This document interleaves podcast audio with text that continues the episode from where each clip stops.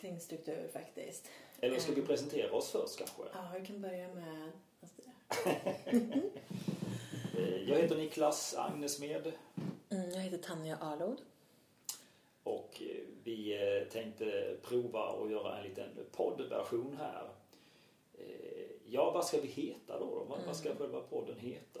Ja, du hade ju som förslag provtänkt. Provtänkt, ja. Precis. Och det är ju en, en direkt eh, viskning till, till eh, eller referens till eh, en av våra favorit, favoriter med Navid Modiri. Ja, eh, jag, jag har inte favorit. be- bekantat med honom så mycket. Lite grann har jag sett på Youtube. Vi ska säga att det vi gillar då är hans begrepp med att provprata. Ja, det, det, definitivt. Mm. Och jag tänker också utifrån det här med källhantering och källhänvisning som man pratar väldigt mycket om. Eh, För det är väldigt lätt att ta en del utav vad en person säger och göra det till en sanning och så smäller man upp det på löpsedlar och sådär. Och jag vill lite gärna komma ifrån det. Jag vill kanske få lov att provprata verkligen och säga saker och ting som kanske är lite farliga eller lite läskiga. Eh, För när man väl hänvisar till var man har hittat citatet, ja då är ju det från provtänkt, vilket då säger hur man ska spegla själva citatet. Och då tänkte jag att ja, men det där kan ju vara eh, rätt så bra. Mm. Och att man får tänka utan att tycka. Ja, Det tycker jag är, det tänker jag är eh, en av mina, som jag saknar väldigt mycket idag. Att det tycks så otroligt mycket och det tycks starkt och det läggs väldigt stora värderingar. mm. Men det finns liksom ingen spelrum att väga tankarna och fundera över konsekvenser och att det faktiskt inte finns svart eller vitt utan att någonting som är till synes gott kan få en negativ konsekvens och någonting som är till synes dåligt kan få en positiv konsekvens. Men att få vara, att låta tanken vara fri. ja Mm. precis. Det låter bra. tycker Jag. jag skriver ner provtänkt. Mm. Ja, alltså struktur och längd och ämne. För det, det där var jag inne och tittade lite grann på, på nätet då med, då, då, vad heter den sidan? Ja, ah, det var en massa olika på det och, och där var då olika rubriceringar för, för men vi kanske ska bara eh, prata på och se vilken rubricering det blir sen rent av. Mm. För vi, vi spänner ju lite grann över både psykologi och samhälle och väver ihop det egentligen. Just den kombon tror jag inte fanns som kategori. Eh, Så att, Det är bara det säger väl en hel del om Ja. samhället idag. det borde ju vara en väldigt, en väldigt, ty, en väldigt självklar kategori. ja, jag tänker ju också det. Ja. Som Om man tänker som, som vi redan varit inne på och pratat när vi har haft våra privata samtal om ehm, eh, konsumtion och psykologi. Det hänger ju verkligen samman och hur det påverkar hela samhället och över till miljön, miljöpåverkan. Så, så tänker jag att det, det, det blir ett, det blir lite spännande att faktiskt eh, korsa många olika rubriceringar i så fall faktiskt. Så att, eh, Det är det jag tycker är intressant också när man får ta, hitta de här små röda trådarna och pröva dem ja, och se Ja. saker i... Det är också så- det är- svårt att plocka någonting utan att lägga samhället och historien och psykologin. Mm. Allting vävs ju ihop och Ja, men komplext. precis, precis. Och jag håller ju på mycket med kommunikation, mellanmänsklig kommunikation och psykologi och så. Så att jag ser ju utifrån de ögonen oftast på saker och ting. Det tycker jag vi ska säga. Eh, bara lite kort om vad vi gör Mm. i vanliga fall. Ja, det kan vi göra. Ja, jag jobbar ju som ingenjör Mm. med eget företag och är konsult. Mm. Eh, och sen så jobbar jag också som instruktör och eh, jobbar med gruppträning. Och det var ju lite där vi träffades. Det var där vi träffades. Ja. Hur många år sedan är det nu? Det är... Jag vet att du har koll. Ja, jag skulle säga att vi träffades på release nummer. Det är Body Balance Tanja pratar om. Ja, men då träffades vi nog på release nummer eh, 62 tror jag. Någonting. Och nu är vi på 84. Okej, ja så det var ett tag sedan. Så det är nog kanske sex år sedan. Ja, det får du nog... eh, Nej, det kan det faktiskt. Det, det är tidigare. För då hade jag mitt eh, gamla jobb så att det, det får nog vara en...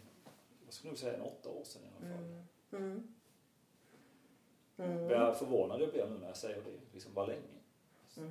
Det har jag inte tänkt på. Och du jobbar med? Ja, jag jobbar som stödassistent på boende för personkrets 1. Det högfungerande personer med olika diagnoser. Autism, Asperger och ADHD och några diagnoser till. Och sen har jag en liten firma vid sidan av det. Eh, ja, den heter egentligen ingenting den. Eh, jag har lite olika utbildningar där. Jag jobbar då med mellanmänsklig kommunikation och det kan handla om medling och sånt där. Jag har inte så mycket uppdrag just för tillfället men eh, tycker mig se hopp i fjärran. Jag har skapat utbildning som kallas, eller heter Superkommunikatören och nu alldeles precis så har jag blivit färdig med medveten kommunikation inom omsorgen. För jag tänker att där finns det mycket kommunikation att utveckla och det är omåttligt spännande tycker jag. Mm. Så det är väl lite utifrån de, den, det perspektivet som jag kommer att se på våra ämnen och sådär. Och du har även en Youtube-kanal. Ja, det stämmer det ja. Precis, ja, just det. Det är- Den heter Superkommunikatören ja. Och den håller jag också på att jobba med ganska mycket just för tillfället. Så att det ska bli jättespännande att köra igång ännu mer med allting. Och så podden här nu då. Eh, känns också spännande tycker jag. Men ett, ehm, någonting som jag tänkte på under veckan, eller jag såg en liten rubrik Mm. i Göteborgs-Posten. Jag eh, prenumererar inte prenumerant så jag läser inte alla artiklar men eh, just den här eh, reagerade jag på och tyckte att det här är precis i, lite i linje med det vi vill prata om. Okej. jag. För där, de hänvisade till en studie som hade gjorts ehm,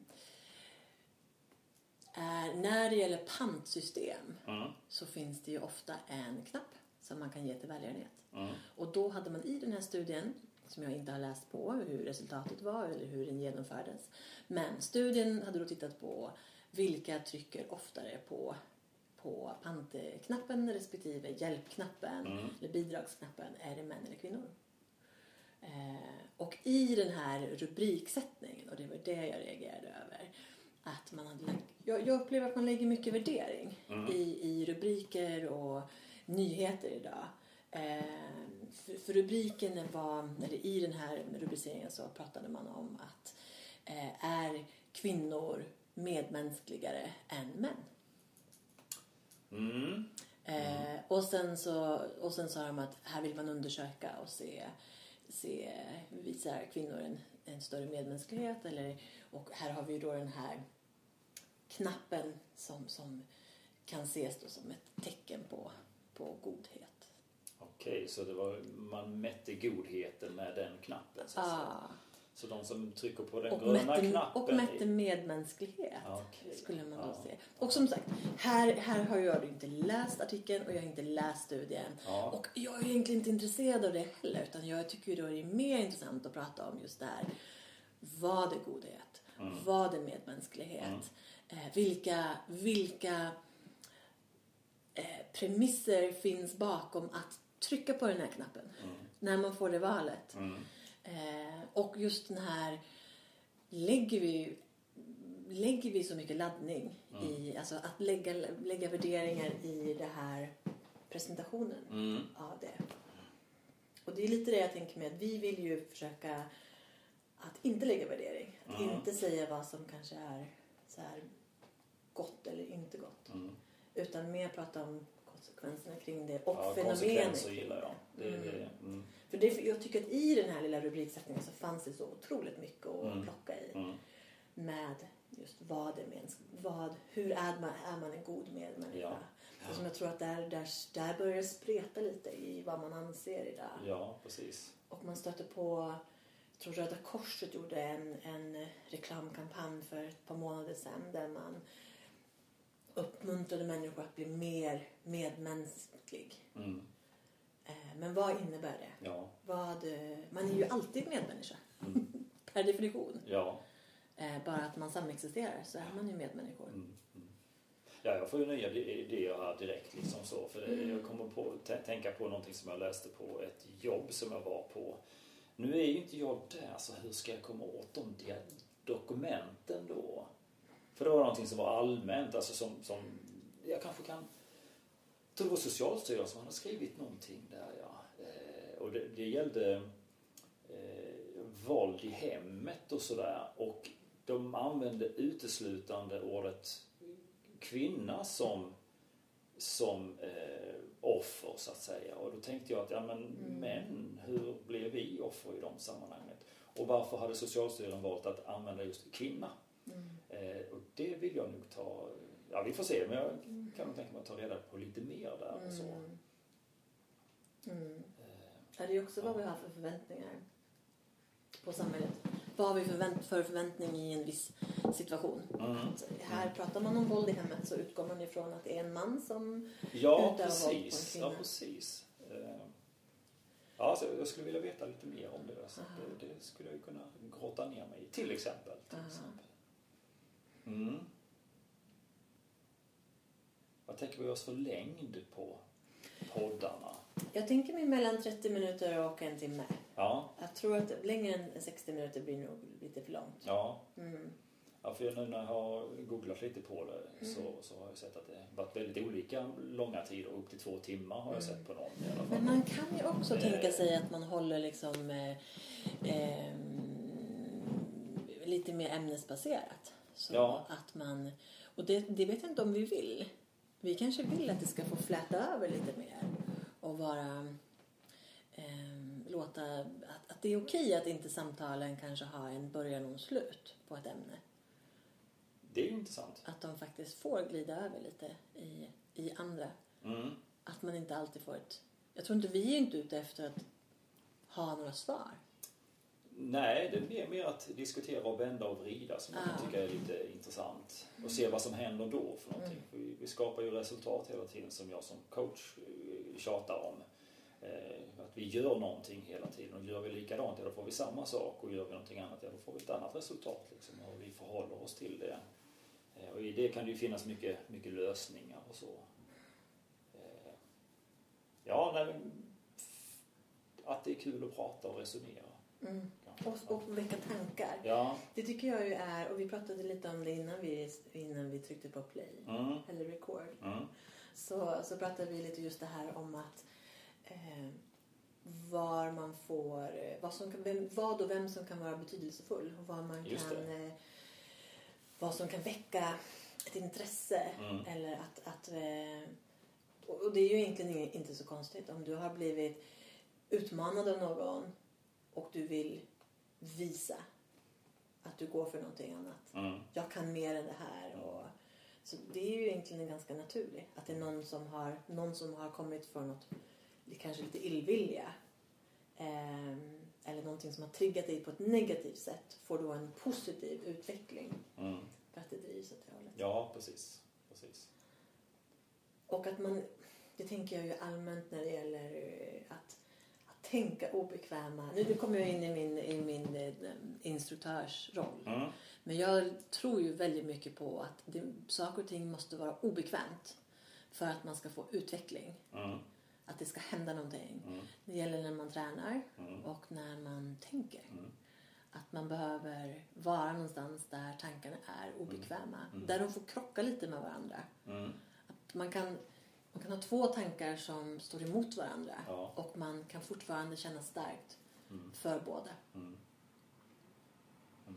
Eh, och att man då behöver väga och resonera och se.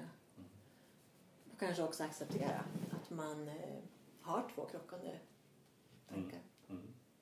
Jo, där, där har jag ju sett i mig själv eh, som resultat med in, de inre tankarna eller reg, regelverken som man har. Eh, och där kan jag ta ett, ett litet roligt exempel som, som jag kommer att lyfta fram på min Youtube-kanal här snart, snart. Och det är att jag prioriterar inte, jag gillar skjortor Det kan jag lägga ner ganska mycket pengar på att köpa snygga skjortor. Byxorna däremot, de får inte kosta en spänn över 100 kronor. Och senast här nu så, och, och just också att byxor ska vara hela, det får inte vara hål i dem sådär heller. Eh, men då var jag till en, ett eh, ställe och hittade ett par jättebilliga byxor för 150 spänn och tänkte att det där är ju jättebra. Men de var ju liksom så att säga trasiga. Och det, det, vill jag inte ha, men jag vill ha billiga byxor och det var det fortfarande. Så att jag köpte dem. Alltså jag hade två stycken krockande tankar som fick mig att köpa dem fast jag inte ville ha dem fast jag ville ha dem. Alltså det, jag kom mm. inte ur det. Nej. Så jag köpte dem. Och jag kommer aldrig att använda dem för att de är sönder. Så att jag har liksom två konkurrerande tankar i mig där. Nu kommer jag skänka de här till second hand. Eh, så jag vet att de kommer att bli använda på ett bra sätt sen i alla fall. Men bara där, den eh, erfarenheten av att jag köpte något som var trasigt, men det var ju billigt. Så det tycker jag var en intressant eh, upptäckt med mig själv. Ja men sånt där tycker jag, det där tycker jag också är roligt för för mig då hör, det jag hör då, ja. det här kommer ju lite systemingenjör och kravhantering. Ja, det blir spännande. Ja. ja. Men att man har, det finns olika krav. Det finns alltid krav. När ja, man ska, när man kravspec. Man, man, det finns, man behöver göra en kravspec. När man ska mm. inhandla någonting så behöver man veta vad ställer jag för krav på mm. den här produkten som jag ska inhandla. Mm. Och i ditt fall så hade du, här har ju du de två då, två tydliga krav. Ja. Alltså, du har ju många fler krav såklart. Ja, ja. Men de två tydliga. Och sen när man då har, har inhämtat sina krav och sin kravbild. Att man då gör en prioritering. Jag har ju ett begrepp som jag gillar att använda för mig själv. Där mm. man pratar om den faktiska prioriteringen. Ja, okay.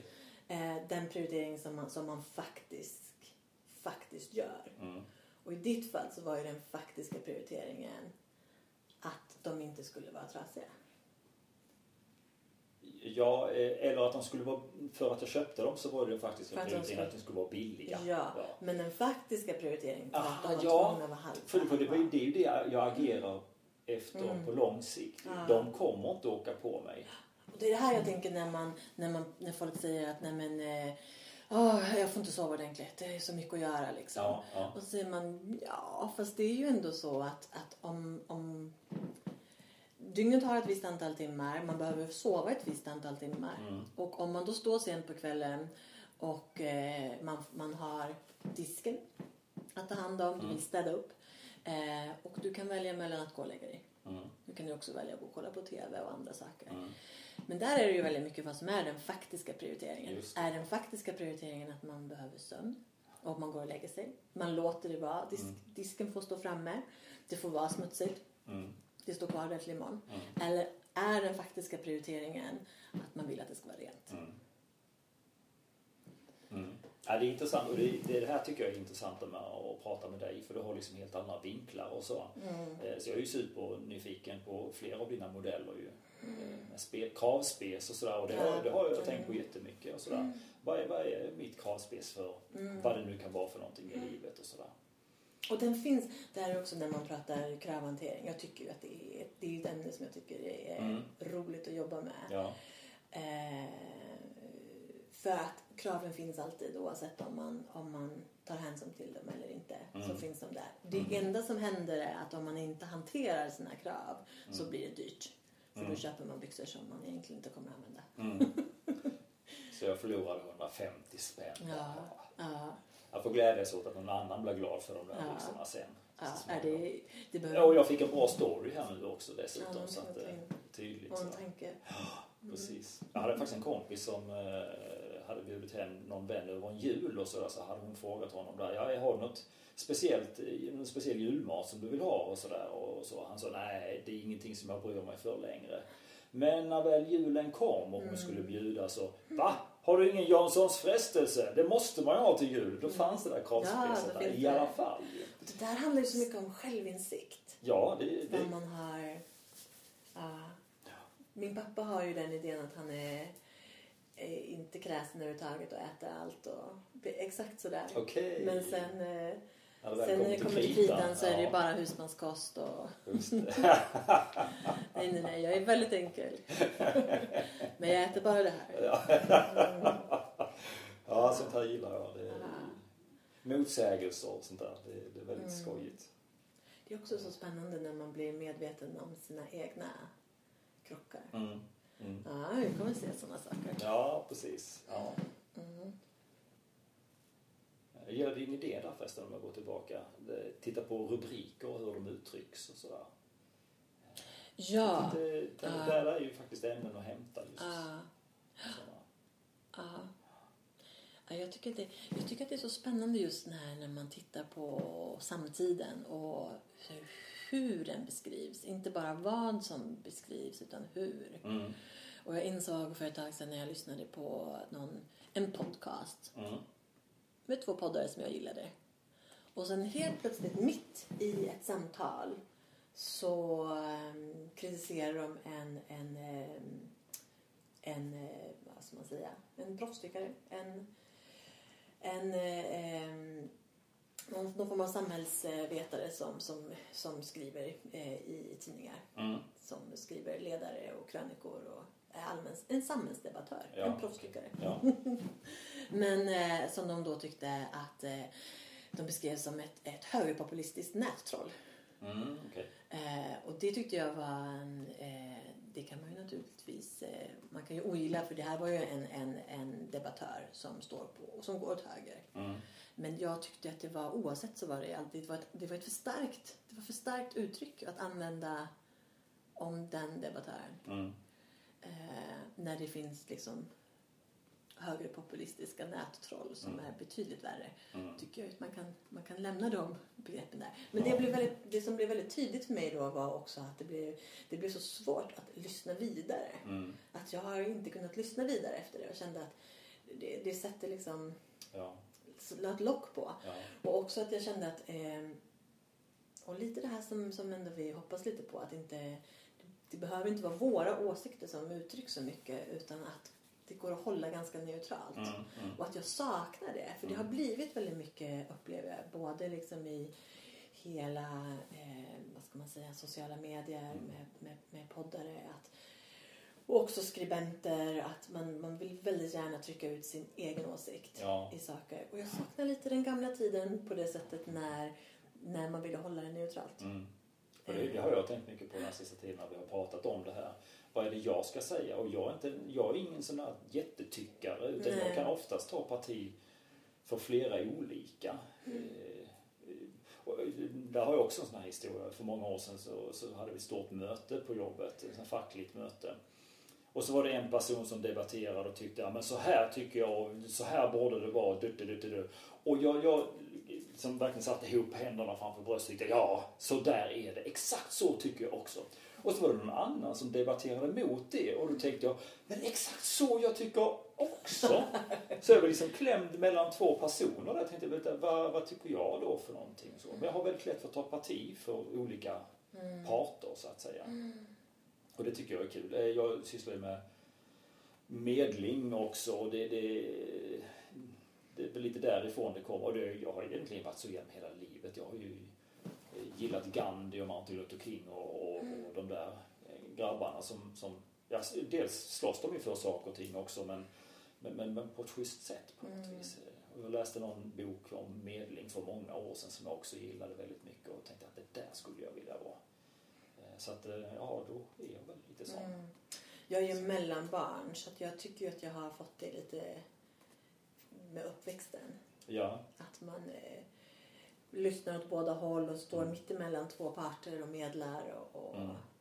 ehm, befinner sig i det. Mm. Så jag, jag kan gilla det också. Men som sagt, sen tycker jag ju också om att eh, när någon uttrycker någonting så vill jag ju gärna lägga fram andra sidor. Mm. Så här, men hur blir det här? Ja. Om vi tänker, vad får det för konsekvenser? konsekvenser, ja precis. Det är jag omåttligt eh, intresserad av. Ah.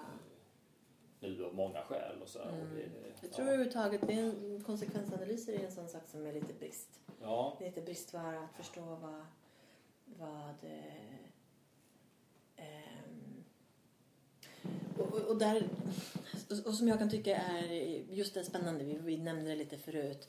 Ehm, och jag kan tycka att det är om, om man ska ta ett politiskt exempel så kan jag tycka att det är spännande att eh, man under, under 10-15 år så har man har, har de van de gamla partierna Mm. eh, drivit en väldigt stark linje för att hålla sig ifrån Sverigedemokraterna. Ja, just det. Samtidigt som Sverigedemokraterna har vuxit. Mm. Och där kan man ju tänka sig att de har vuxit helt själva, helt oberoende av Mm. vilken ståndpunkt de andra partierna har Mm. tagit.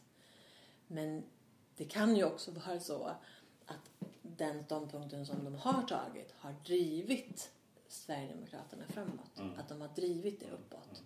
Vilket ju gör just det här att man vill gott men det får motsatt effekt. Ja. Och om man då har den här goda intentionen men man får den negativa utväxlingen. Mm. Är, gör man då gott? Förlåt, vad sa du? Gör man gott då? Alltså, Mm, mm. Eller när någonstans måste man... När blir man, är man ansvarig? Mm. Om du har en god intention men du får en, en, eh, en negativ utkomst. Mm. Är du ansvarig då Mm. för det negativa? Mm. Mm. Ja, för man sitter ju ändå med någon slags makt där. ja. Att prata eller inte prata och hur reagerar omgivningen på det? För det där kan man ju tänka då, eh, ja, att folk har blivit sura för att man inte har pratat med Sverigedemokraterna och därför röstar man på Sverigedemokraterna för att Ja. stödja dem. Det, detta jag, är ju ett stort ämne. Ja, det är det. och Jag har Eh, ingen analys och- på det alls. Nej, och jag, men som sagt, det jag tycker, är- det jag tycker är intressant, eh, eller en sak som jag tycker är intressant, det är väl just det här med goda intentioner som, som Ja. ger ett negativt utfall. Ja, ja. Och negativa intentioner som kanske ger ett gott utfall. Mm. Ehm, och och eh, lite konflikterna i det. Mm. Mm. Mm.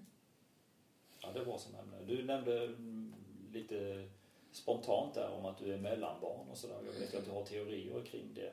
Eller kanske inte dina teorier, men, Nej. men eh, det är ju någonting som man också kan ta upp där. Vad, hur reagerar vi? Hur agerar vi i syskonskaran? Och så. Ja. Det är jag ju också intresserad av. Ju Äldsta barnet, men det är ungefär fem år mellan mig och min Ja. syster. Och då är jag inte äldsta, utan då är jag enda barn, eller hur är det? Mm, eh, både ja och nej. För nu ska vi ju säga att eh, för jag läste om det här är ju väldigt många år sedan nu Ja. som jag läste den boken. Jag vill läsa om den boken Ja, faktiskt. jag har läst om den boken. Ja. Det finns en bok som heter Äldst, yngst eller mittemellan. Din, hur du påverkas av din plats i syskonskaran. Ja. Någonting sånt i den Ja. titeln.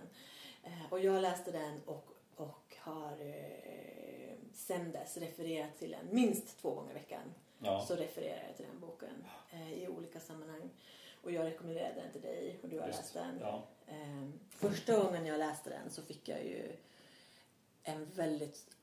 Jag skulle säga att jag blev snällare efter att ha läst den boken mot min omgivning. Jag tycker att det var den stora effekten som det fick, att jag Ja, blev snällare. okej. Att eh, jag kunde förstå mer beteendet från, från mina föräldrar, från min mamma framförallt var Mm, det, för mm. hon är ju då ett enda barn. Mm.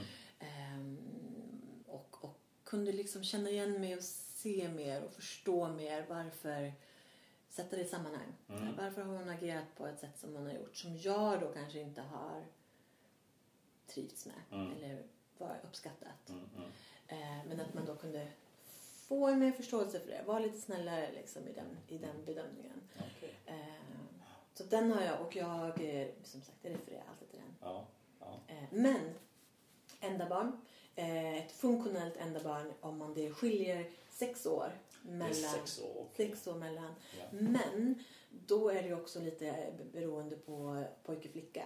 Mm. Eh, för kombinationen, om du har en flicka som äldst och en pojke som är yngre så kommer ju flickan att utvecklas lite snabbare Ja, än just det. pojken. Just det. Och då blir gapet större. Mm. Och tvärtom i ert fall då, då blir gapet lite mindre. Ja, då är jag inte enda barn helt enkelt. Nej. Nej, det, jag skulle nog förmodligen lite, lite Jag var omogen långt upp i åldern. Jag vet inte ens om jag har mognat nu. så, så. Jag vad jag kommer ihåg av skolan så, så vill jag mest leka mig igenom det. Så att, eh, Men jag tänker också att ni inte, redan när det blir, vad sa du, fyra eller fem år? ja, det är nog fyra, fyra och ett halvt. jag Ja. faktiskt, ja. Att redan där så börjar man ju att inte konkurrera om samma saker. Nej, det gjorde vi ju aldrig. Nej, och speciellt om de har pojke och flicka för att ni, lekte vi säkert helt olika, fick olika uppmärksamhet från föräldrarna. Ja, precis. Inte, så på det sättet så blir det ju mer funktionellt. Ja, och jag tror också att vi blev uppfostrade på lite olika sätt också. Mm.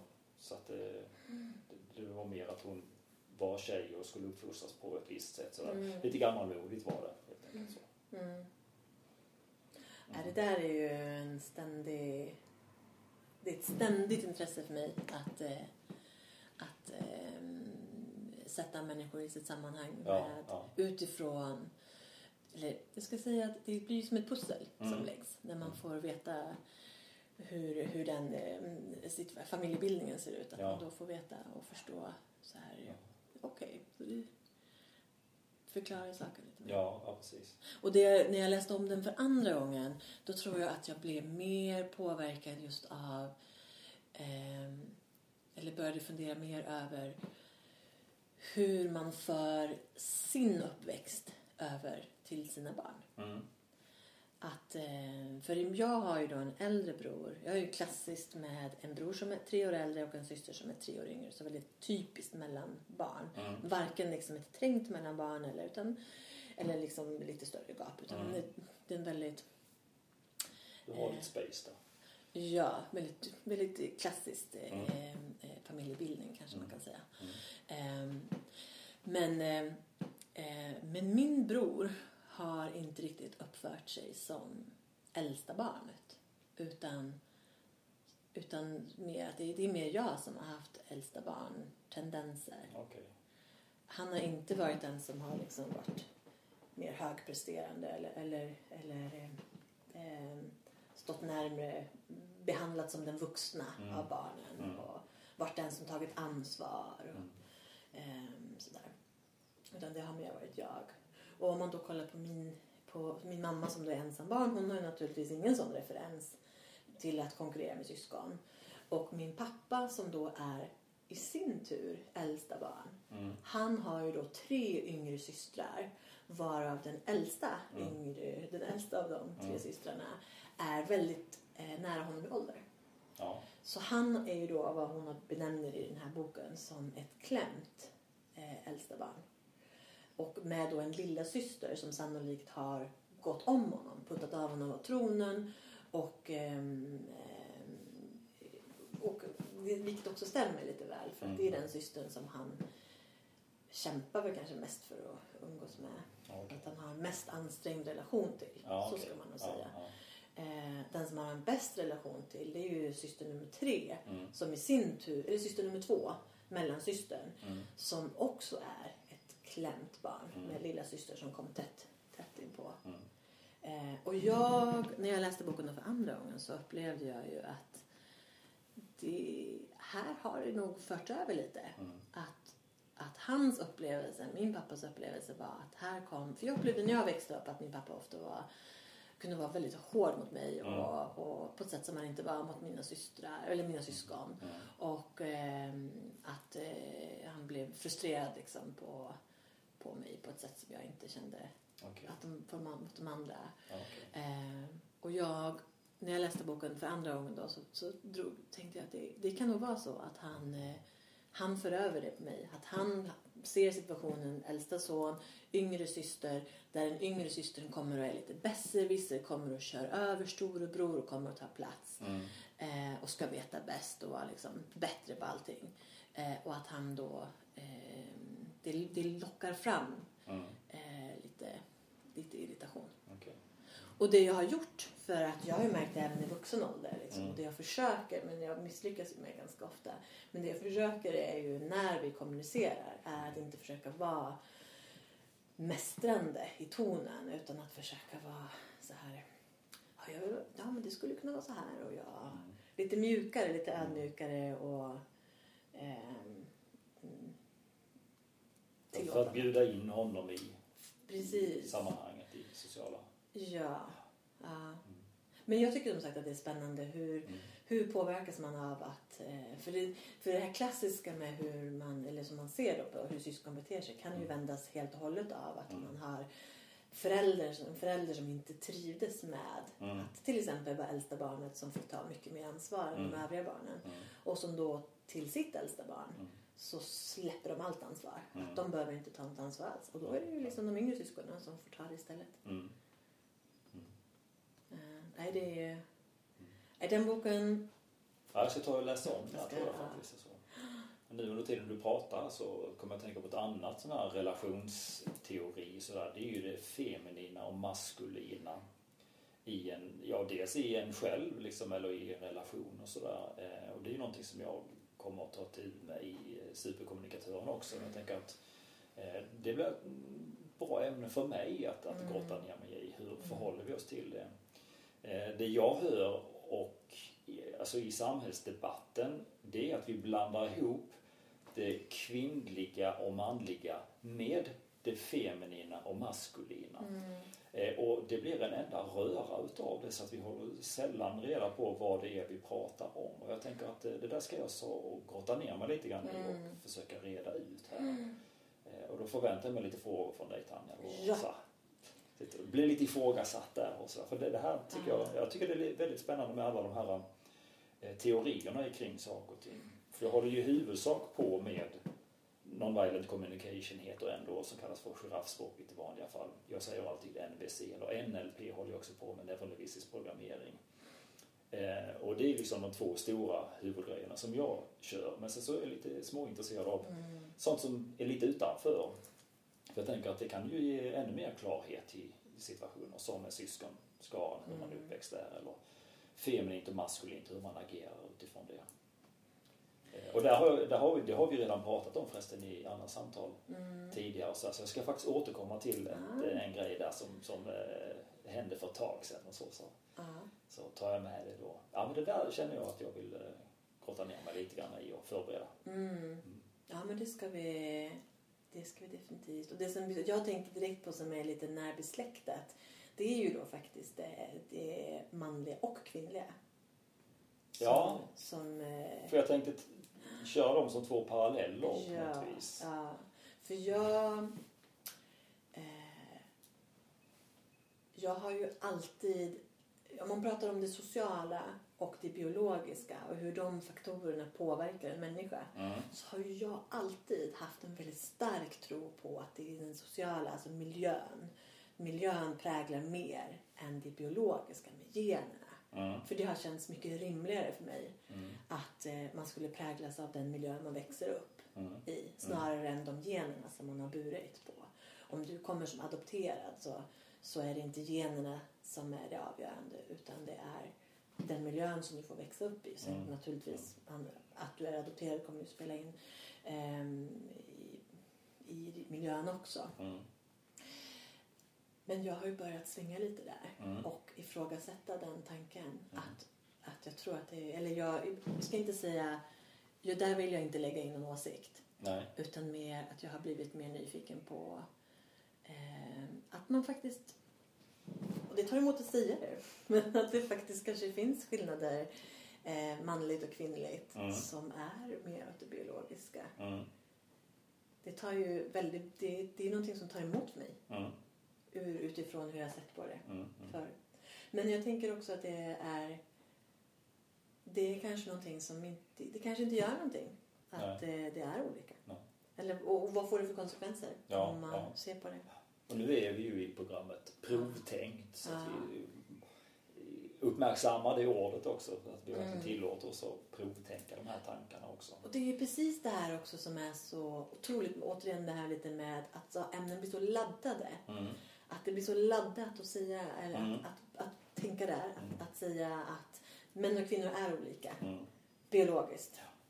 Eh, att det väcker så mycket eh, väcker så mycket laddning och Mm, mm. tyckande Ja. istället för att kanske titta på ja, men vad, vad, säger, vad, vad, säger, vad säger studier, vad säger forskning, Mm, vad ja. säger vad säger, mm, om vi, om vi pratar om, vad får det för konsekvenser Mm. eh, i det hela? Mm.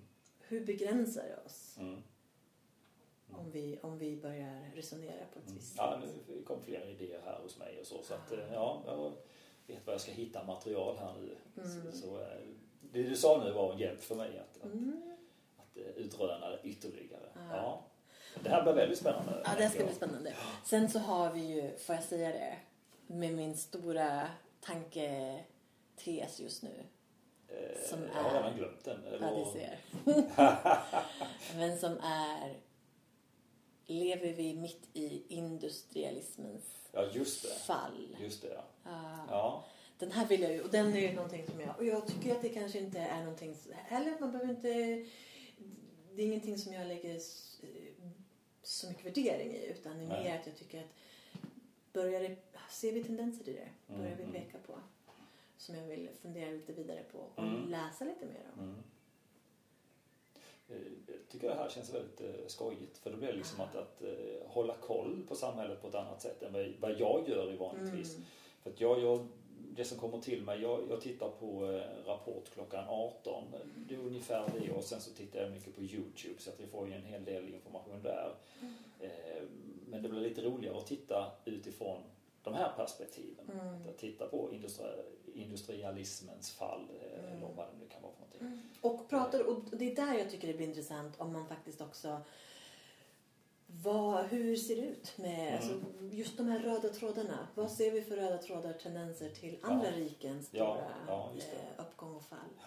Så känner vi igen oss någonting där? Ja, det blir lite spaning här. Lite Så. spaning och lite hur, om, vi, om det är det man tror. Om vi skulle tro det, vad, Mm. hur vill vi bemöta det? Mm, mm, Hur vill man leva i det? mm. Så lite historia eh, och lite samhällsanalys, lite Ja. psykologi. Ja, precis. Mm. Mm. Mm. Ja, det finns många. Ja, det känns eh, spännande det här. Ja. Det det. Ska vi rent av hålla här kanske? Mm. Vi kör det här som Tänker en liten introduktion. Ja, precis. Känns som att det blir jättemycket i skallen direkt här ju. Så. ja. Ja, det, blir bra. det blir en bra vår. ja, det precis. precis. Sen så får vi se hur återkommande. Jag Ja. tänker mig ju, jag, jag, jag träffade, jag sprang på en kompis igår som Mm. eh, jag nämnde för att imorgon så, imorgon smäller det. Då vi ska vi, då Okej. ska vi försöka börja spela in våran podd. Ja, Eh, och då, den killen, ja, han är eh, definitivt eh, poddkunnig. ja. Att han, eh, han har en, en, eh, en fru som är eh, definitivt i de kretsarna och definitivt en person som är, för han började direkt att säga så här, ja men okej, men eh, hur tänker ni då på podd? Ska ni vara i de här kretsarna eller är det en klassisk podd? Eller Oj, oj, oj, oj. började ställa, eh, ställa frågor och också vad är, vad är ert syfte eh, med podden? Eh, och jag tänker ju att ett av de syftena som skulle trigga mig mest Mm. är ju faktiskt att ses lite mer regelbundet. Ja, det, Få det är ha ju våra ja, det är sant. Det är sant. Ja, men precis. Eh, att få göra det, Ja. det tycker jag kanske skulle vara det mest största för, för min del. Ja. Och sen, sen så här i början så kanske det också blir ett, ett sökande efter syfte också, Mm. eh, kan jag tänka. Mm. Eh, Men där, där tänker jag nog också att själva rubriken provtänkt är lite vägledande också. Mm. Så att, ja, vi får väl se var vi landar i sådana fall. Mm. Men jag gillar i alla fall att bryta tankemönster. Ja. Och hitta nya vinklar på saker och ting och så. Mm.